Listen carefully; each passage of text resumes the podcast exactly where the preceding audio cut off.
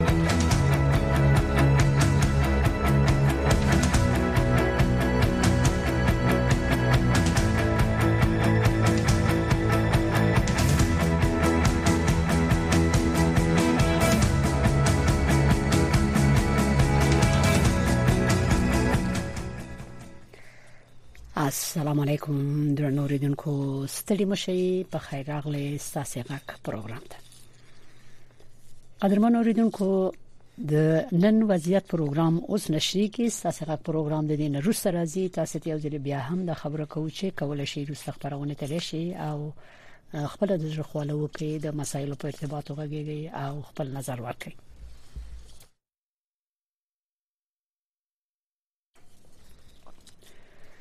درنو اوریدونکو نن منګه په دې خبرونه کې یعنی د نن او وضعیت په پروګرام کې په یوې داسې مسلې غږیږو چې د طالبانو حکومت اعلان کړی دی او ویلي دي چې یو شمیر حکومتي پوسټونو ته خلک کولای شي درخواستي ورکړي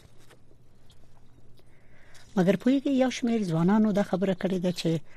دا د حکومتي پوسټونو اعلان اسې د طالبانو د دریز یو نمایش دی چې ګوندې خلک د لیاقت او تجربې په اساس باندې کول شي حکومتي بسلونو ته استخدام شي او یا درخواستي ورکړي د طالبانو د حکومت د اداري اصلاحات او ملکی خدماتو د ادارې په ایکس پاڼه کې راغلي دي چې د طالبانو د حکومت د امر بالمعروف او نهي عن المنکر وزارت درې بسونه د قانونو او پټرولیم وزارت شپږ بستونه سوارلس بسونه او د زابل او سرپل په ولایتونو کې د عام روغتیا ریاستونو یو سلو وسل وخت دوامدار شم نه هش په بسونو اعلان کړی دی د بسونو اعلان خو شوې ده او دا خبره شوې ده چې خلک کولای شي خپل درخواستي ورکړي دوی سره به بیا مرکه کیږي او بعد دغه نه بیا تصمیم نیول کیږي چې څوک مستحق دی یعنی بسونو د پاره وړ او مسلکی کسان کار ته استخدامیږي نو موږ غواړو چې په دې مسلې باندې د یو کارپو د سیام په سلی سب سره وغږیږو چې د کوم پروسیجر په اساس باندې په حکومتي یا خصوصي سکتورونو کې د اسلام په پروسې کې شفافیت راتلی شي یا په دغه پروژه کې پروسه کې وبخي څنګه د خلکو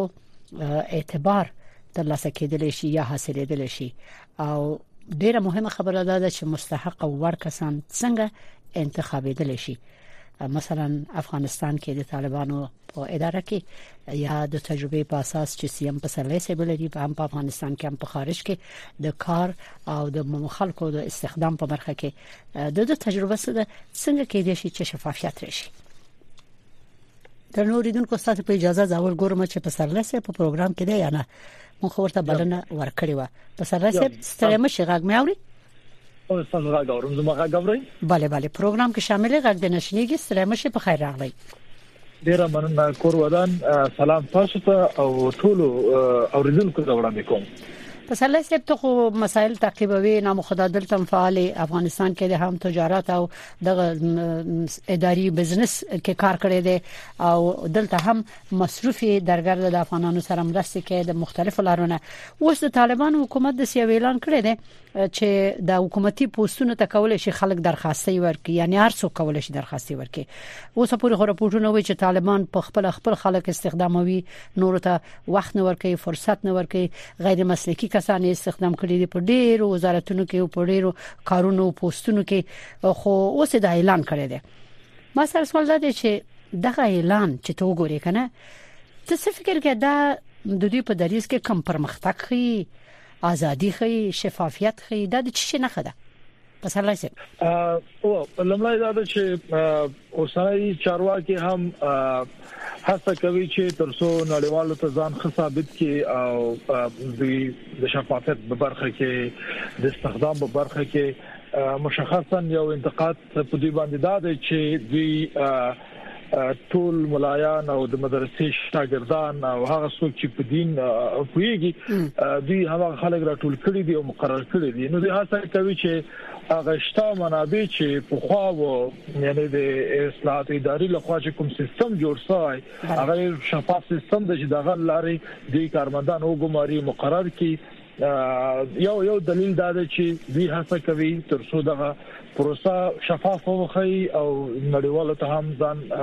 یو اندازه دا ثابت کی چې د شفافیت طرفدار دي او دوی سیستم لري دغه سیستم پر اساس پر مخ دي بل ضرورت دی دی حتمان داسې درک کړای شي ولا دا کار په ملا باندې نه کیږي دا د مدرسې په عالم باندې نه کیږي هر یو شخص خپل کار لره پیدا دی زه یو موقف جوړوم هغه موقف د پاره باید هغه یو شخص وګمارل شي ترڅو هغه موقف مختوي شي نو د ضرورت پر اساس باندې ممکن دی په خپل ډلو کې خپل کسانو کې داسې کسان نه وي پیدا کړای چې هغه دغه موقفونه ډک کړي او زغواړي چې هغه خلک چې د باندې دي باید یا مثلا سیستم نه د دوی د ډلې نه باندې دي دوی غواړي چې هغه هم شامل کړي ترڅو دا تشه ډکه شي نو بل بل دلیل دا هم کېدای شي چې دوی هم غواړي خپل لین دین ورسته چې دا خپل کارمندان او خپل خلک ممکن دی او پروسې پر اساس وګماري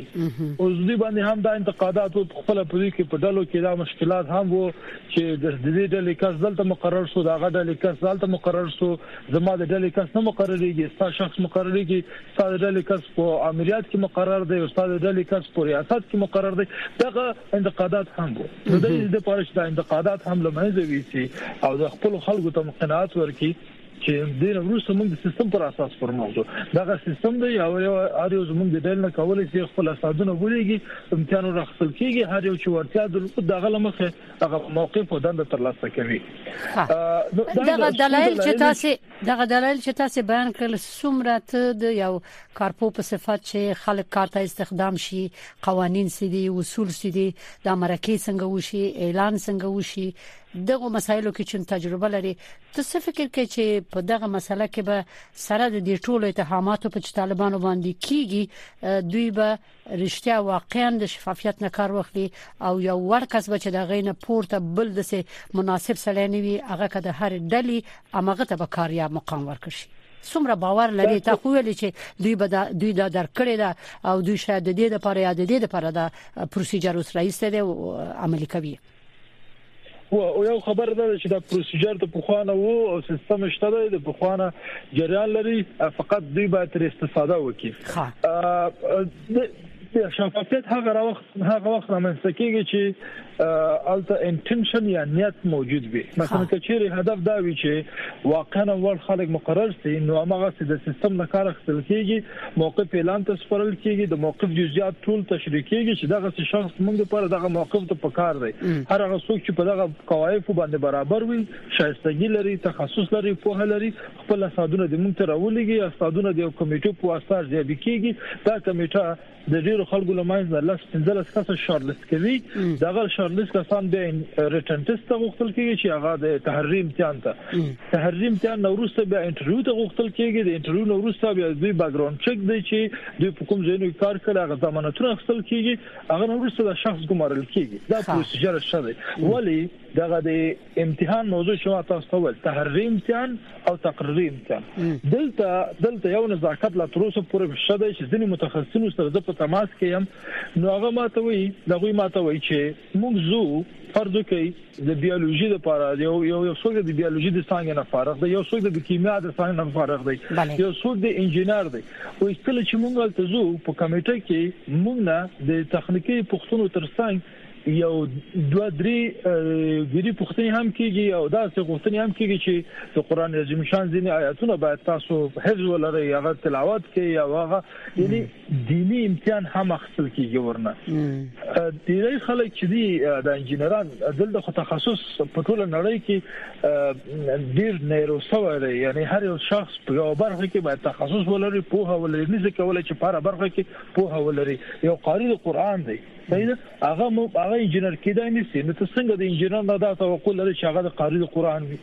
نو هدف دا دی چې قران عظیم شان تلاوت حدیث باندې پوهیدل دا په ټولو باندې فرض دی دا زموږ مکلفیت دی موږ پوسو یو په کوم مونږ په دې شان باندې ولی ولی ملاکیدل قاری کېدل دا خپل ځان ته اوس یو یو برخه ده هر یو شخص دا نشي کولای چې هم قاری ته قران ووسی او هم انجنیر ووسی په دوه مسلکونو کې ولی ممکن ډیر نادر خلک ډیر کم خلک د پیدا سي ولی که پیدا کیږي ممکن په انجنیری کې بیا مشکل ولري ځکه چې د خپل وخت نه مال ته ورته سپارل نه مخبل ته سپاري هغه تخصصي سوال لاندې دي دغه نزاکتونو ته کچې د متوجي سي چې انجینر نه د انجینری په برخه کې امتحان واخلي د ډاکټر نه د طبابت په برخه کې امتحان واخلي د کیمیادان نه د کیمیا په برخه کې امتحان واخلي د مهندس نه د مهندسي په برخه کې امتحان واخلي هر یو شخص په مغه برخه کې امتحان واخلي لطفا دا نور خلک دی نه ګډوي ټکی او نور سوالونه چې ارتباط نه لري مرتبط نه دي باید د ناکامۍ دلایل نشته هو دا کار دی وکي یعنی دا یعنی دا هغه شرایط دي چې د تیر حکومت کوم سیستم جوړ کړي او عمل ته موجود اوس فکر کوي چې او یا وایي چې طالبانو باید همدغه سي کارو کې دا خلکو ته چې ویل درخواستي ورکړي د دې مقامونو لپاره نو دغه مقام دغه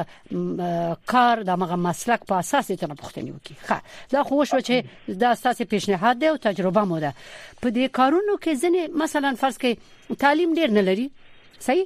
الته یو نفر د پی ایچ ډی لري یو بل نفر د ماستر ډیګري لري یو بل یوازې ماستر لري مګر ډیره تجربه لري دا په پخوانی سیستم کې اوسنی سیستم کې دا تجربه په استخدام کې څومره مهمه ده ستاسو په نظر تجربه په استخدام کې ډیره مهمه ده د لپاره موقفونه مختلفو ډلو باندې او کټګوري باندې وشل کیږي موقفونه د انټرنشپ نه شروع کیږي انټرنشپ نه انټرنشپ هغه ته چاته ویل کیږي هغه موقفونو ته ویل کیږي چې یو څوک نوې فارغ وي تجربه نه لري او غواړي چې خپل تجربه ترلاسه کړي کله چې د انټرنشپ دوره مکمله شوه د دې اسسټانټ ته ځي بیا افیسر ته ځي بیا منیجر ته ځي همدغه بیا ډایریکټر لیول ته ځي بیا سیو لیول پوزیشنو ته ځي دا یو تسلسل لري یو دا ده چې دوی باید دغه تسلسل مراعات کړي دغه سي په تدریجي ډول پرمختګ وکړي دا به د ټولنې په خیر هم ده او د شخص په خیر هم ده ځکه دوی په یوه جوړ باندې بل غوښته چې خلک شته چې आवाज په تعلیم باندې دوی اتکا کړای مثلا پی ایچ ډی لري ماستر لري لري ولې تجربه نه لري درست دوی چې تجربه دوی چې تجربه نه لري زما په ان مو باید داسې اشخاص او ګمارو چې دواړه ولري که چیرې دواړه ولري ډیر ښه دی ولې تا تجربه ډیره مهمه ده زما په نظر چې یعنی که چیرې یو څوک وی چې تجربه ډیره نه لري نسبت یو بل کاندید ته چې یو پوسټ یو مقام ته کاندید ته ترجیح ورکې که چیرې واقدار اوسي چې هغه تجربه ولا کس د استخدام شيخه دا خو وشو بل مسله ما سره دا ده چې د مقرریو کې په خو د تیر حکومت کې هم د خبرونو ډیر راتل چې واسطه بازی پکې ډیره و صحیح او همدا شان د طالبانو له لوري دغه د مشکل د وبخې د حکومتي تشکیلات وړلو مسله بل ده چې د دې راپورټونو مونږ ته راغلي دی او د خلکو ته یو لړندېخنې ما چولې دي اوس چې دوی دا اعلان کړی دی څنګه سړی پوښي څه فکر کې سوای ځین شکایت لري وای دا واسطه بازي اوسه پورشته پم دي چې طالبان خپل کسانو ته ترجیح ورکړي یعنی که دوه کس وی یو کاندید وی د طالب د خو او یو طالب وی یو کاندید او یو بل کس وی او دواړه د سي برابر وی نو د ترجیح ورکړي چې طالب پکې ونیسي دغه مثلا د او مثلا د هلمند ولایت یو کس دی نو می خو نه خرو هغه وی وی چې مخکې وی د هلمند ولایت کې مالته کار کاوه د زیربنا د کارپو په صفت وای مالته یو مقام لرلو کار میکولو و اسلامي مقام چرغه دا د سکتور د خصوصي سکتور بنسټونه چې وي دا ټول لغوه کړل ټول افغانستان کې ډیر کسان وي بیکاره شول اوس هم دا د واسطې مسله موجوده ده خو سوال دا دی چې د طالبانو په دې سرپرست حکومت کې په اجراتو کې دغه مسله دا د سي عادي اقدامات غني ته یو غټ نقص غني چې کار اهل کار ته نسپارل کیږي ول چې کار اهل کار ته ونس پرسي دغه څه وضعیت خرابېږي سیستم ګډوډېږي او د پرمختګ معنی ګرځي تاسو ګورئ په نور هیوادونو کې اروپאי هیوادونو کې امریکایي هیوادونو کې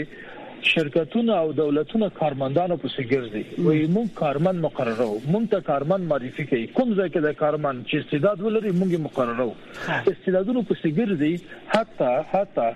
نور شرکتونو ته نور اشخاصو ته پیسې ورکوي چې که تاسو ماته یو کس د په دغه شرایطو پیدا کړ زه تاسو دومره کمیشن در کوم ولې ماته شخص پیدا کوي دوی ولې دا کار کوي دوی ځکه دا کار کوي چې دوی خپل کورنۍ وظیفه په وایلو کې تر سره کړي دوی وړ شخص مقرر کړي هغه وړ شخص سیستمونه برابر کړي هغه سیستم د پرمختګ سبب شوی هغه اداره انکشاف پیدا کړ ایکسپاند شوی پراخه شوی بیا نور کسان ته ضرورت پیدا شوی اوس دلته په افغانستان کې دا سرچپه دی په افغانستان کې خلک ډیر دي کار کم دی پرور هیوادونو کې کار ډیر دی خلک کم دي نو د لپاره د په افغانستان کې ضرورت څه شوی انویسټمنټ پانګونه باید ډیر شي ترڅو د کار فرصتونه په افغانستان خلکو لپاره ډیر برابر شي یوازې دولت دی هغه څو موقفونه دي چې هغه تلکه څنګه شتاس کول مشکلات څه دي په هغه کې هر یو خپل ډلې ټاپل مقرروي خصوصي سکتور چې ډیر د کار فرصت برابرولای شي بدبختانه د ډیرو جدي ستونزو سره مخامخ دی پانګونه په افغانستان کې نه کیږي په خواني پانګونې کمې شوې دي نوې پانګونې خو بيخي نشته او ژمنې کیږي د خلک دی وی چې موږ دا کوه هغه کوه هغه تر هغه وخت پورې شي تضمین نه وي سوی او عملا موږ پنګونه ونه ګورو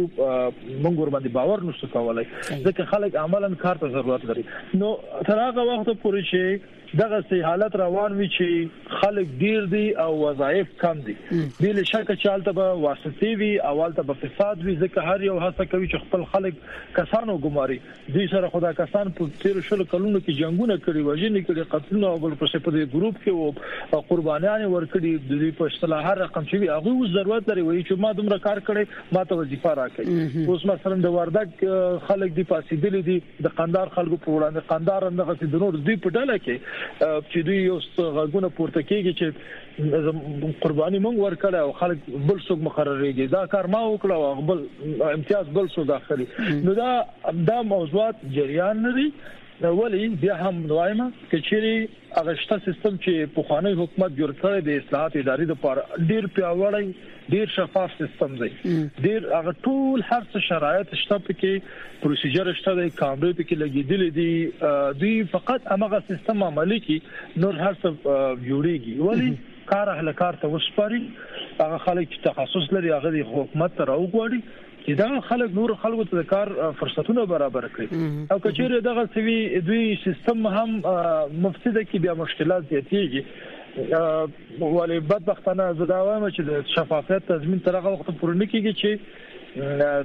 چې هغه اخلاص موجود نه وي او دغه سي د ستونزې چې اوس شته دي مثلا کار کم دی او خلک ډیر دي یعنی دا مشکلات زیږوي ښه دا خو یو بل سوال دی چې مثلا د طالبانو حکومت څنګه کولی شي په دې اوسنۍ شرایطو کې کار تولید کړي دا یو غټه مسله ده دا په نظر کې ونیسي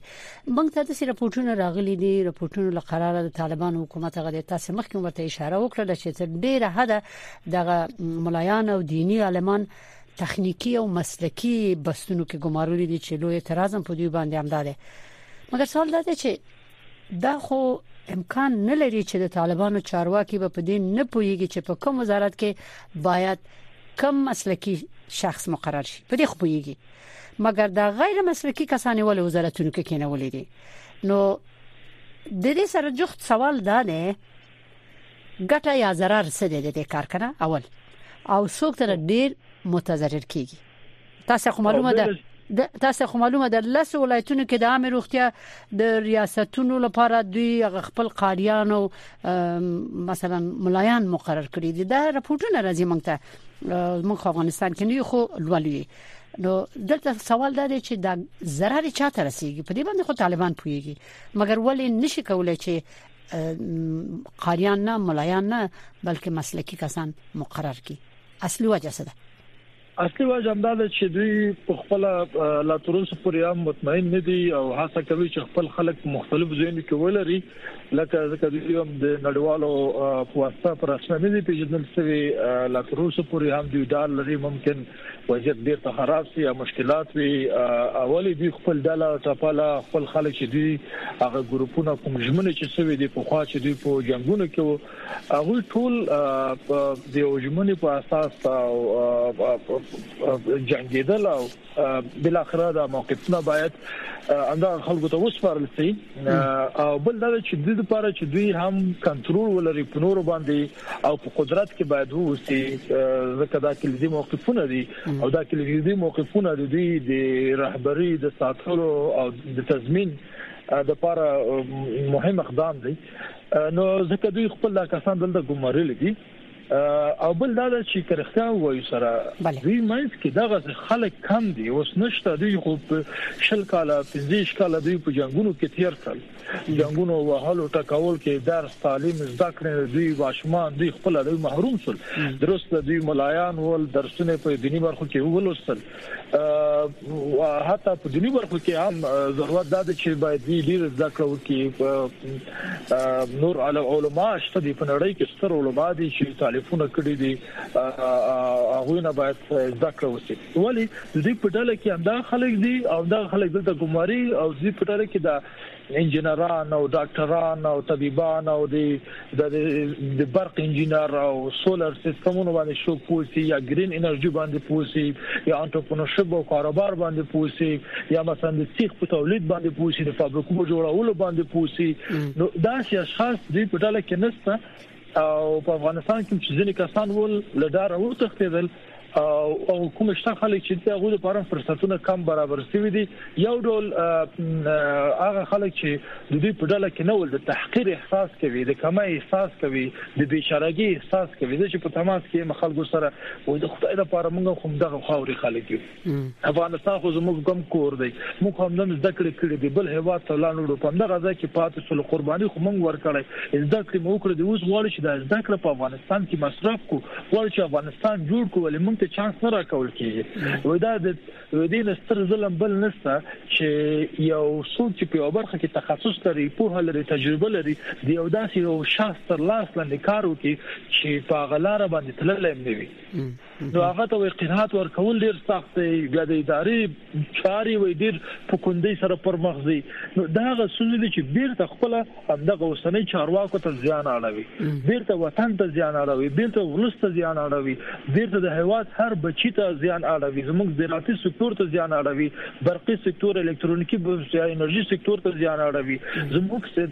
صنعت لمنځه وړي دا هغه موارد دي چې دوی باید ورته توجه وکړي اوس پاکستان اعلان وکړ چې موږ ټول افغانان وباسو او کې تاسو افغانستان وباسي که چیرې دوی ورته سیستم برابر کړي دا خلک په پاکستان کې دي دوی هغه خلک دي چې کسب لري کاروبار لري ولې ولې افغانستان ته نه غواړي چې ورارسي افغانستان ته خپل ژوند وکړي ځکه چې قیودات دي دوی خپل اندال ته نه ګوري دلته شفافیت نه ګوري وایي دوی دې ډله کې نه ماته کار نه راکوي دوی په ډله کې نه مزما کار نه تشویقوي که چیرې شفافیت رامنځته شي او د یو بل ومنل شي دا خلک چې افغانستان ته راشي په افغانستان کې هو پیسې م افغانستان ته راځي دوی هر یو پیسې لري کسب م افغانستان ته راځي کار م افغانستان ته راځي دوی کولای شي خو مدیریت وکړي ولی د لپاره فکر ډیر مهم دی بدبختانه چې دا فکرونه اوس وخت کې زه کم ګورم ښه اوس دغه پوسټونه چې اعلان کړی دي ځنې عکسونه ملته چول شوی دي چې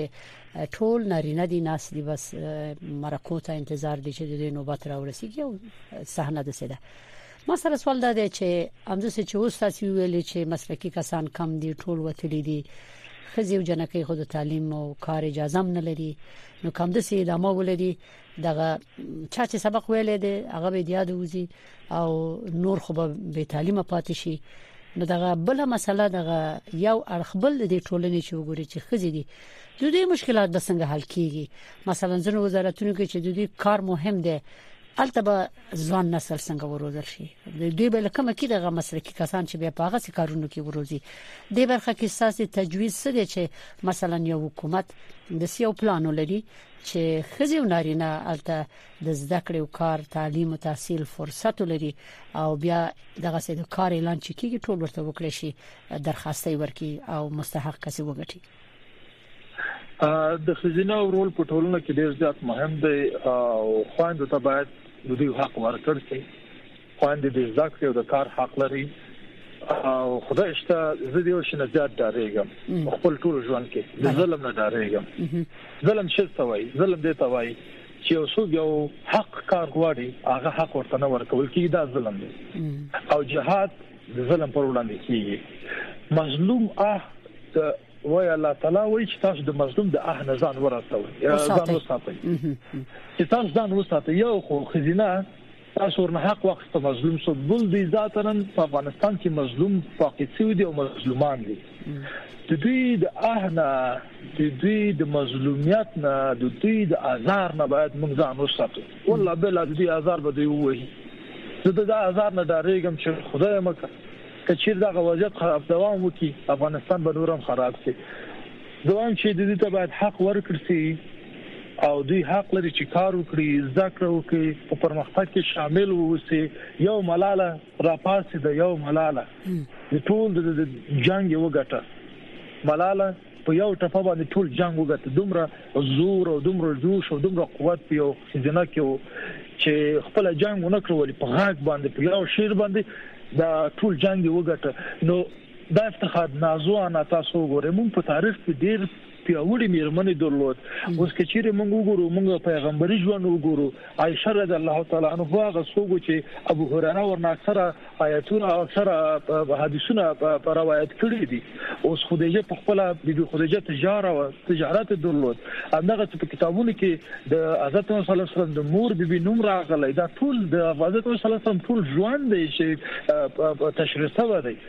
ولی ولی ولې باید موږ خپل خویندو ته دا اجازه ورنکړو ایا دا ډیره خده چې خوندې ولار سال د خیرات وغواړي که دا ډیره خده چې خوندې لار سال د کارو کې زحمت وباسي او با عزت ژوند ځان ته جوړ کړي ایا دا ډیره مهمه ده چې زموږ خزینه لار سي او نارینه ډاکټر ته که خپل بیرته خزینه ډاکټر ته ولار سي همدغه چې په نورو برخو کې په بیولوژي کې ساينس کې په ټکنالوژي کې ټکنالوژي کې زموږ روباتیک ټیم په نړۍ کې تاسو کته چې څومره لوی کارنامې وکړه د روباتیک ټیم په راس کې سوګو خوندغه خزینه ول نو د دې لپاره باید دا زمينه برابر شي دوی د افغانستان په پرمختګ کې باید ساحل شي دوی حقوق باید ورته ورکړ شي موږ د موږ د عزت او عفت طرفدار یو عزت او عفت چې دی هغه په هر ځای کې په هر محل کې د انسان په لاس کې چې باید وساتي که څوک وغواړي چې خپل عزت ونه ساتي چې به خپل او چار دیوالي کې نو څوک وساتي هغه خپل عزت نه ساتي یو که څوک به حیا او به عزت وي هغه هغه په هر حالت کې خپل عزت ساتي خپل مذهب ساتي خپل فرهنګ ساتي خپل دستور ساتي نو دا زما هیله د چارواکو څخه دا دی چې د دغه مظلوم قشر د اهت او د فریاد نه ځان وساتي بیا به الله تعالی ته تاسو ځواب لرئ چې په قران کې درته ویل دي چې علم په نارینه او په خزینه باندې فرض دی ولې موږ خزینه ورنه محروم کړی ولې مونږ په کوم دلیل نو زه زما تر ټول توجه دا ده چې په امتحاناتو کې په پونتونو کې په مدارسو کې په وظیفو کې په دندو کې باید خزینه او نارینه ته باید سهم ورکړ شي نه یوازې دا کندو ته باید سهم ورکړ شي ډیسبل خلکو ته معیوبینو ته باید سهم ورکړ سي اقلیتونو ته باید سهم ورکړ سي زما د کار پروسیجر دا دی زه په نورو هیوادونو کې چې کار کوم ادارات سره کار کوم د ادارات اصول دا دي دوی وړاندیز دا کوي چې اقلیتونو ته باید تاسو توجه وکړي دوی ته باید ځانګړي سهم باید ورکړ سي چې اقلیتونه باید پاتې نه سي خزینه وي نارینه وي مثلا هم نور مقالیتونه دي په یو ځای کې معیوبین وي دوی ته باید توجه ووسی د دوی دوی ته باید د نړیوالو حقوق او اصولو لمخې دوی ته باید دوی حقوق ورکړ شي نو دا په ټول دا په اسلام کې راغلی دا په اسلام کې راغلی د اسلام موږ د کار قانون لرو په اسلام کې د کار قانون شته دی هغه تاسو ورته ولولئ په هغه کې ټول لغلي د هر څه واضح سوی دی تجارت اصول شته به کې د کاروبار شته دی د کورنۍ ژوند د ټول اصول شته دی هغه باید موږ عملی کو فقط بله. فقط فقط مونږ باید افراطیت پریدو او نرم شو ډیره مننه تاسو نه سیم پسرلی صاحب چې معلومات ورکړل زموږ اوریدونکو ته او دا د کار شرایط او د استخدام شرایط باندې وغږیدي خصوصا چې تاسو وایي چې په اسلام کې د کار شرایط شته دی هغه معلوم دی اقلیتونو ته احترام او دغه د حقوقو احترام او درناوی اول په اسلام کې واضح او ثابت دی سوال دا دی چې طالبان خو مسلمانان دي شرعي نظام غواړي چې ولې نشي عملي کولای یا ولې نه غواړي چې عملي کړي دغه سوال دی ټولو سره امید چې دا سوال زر تر زر حل شي تاسو نه ډیره مننه کوم چې خبرونه تراغلي خپل نظر مو بیان ک او معلومات مو ورکړ زموږ اوریدونکو ته چې طالبانو اعلان کړی دی چې ځینې پوسټونه دي ورسو کولای شي ورته خپل درخواستي ورکړي او مستحق سړی به استخدام شي نو ګورو چې د نورو شکایتونه څومره رفع کیږي چې غیر مستحق استخدام نشي په مخامخه شپم په خیر ډیر مننه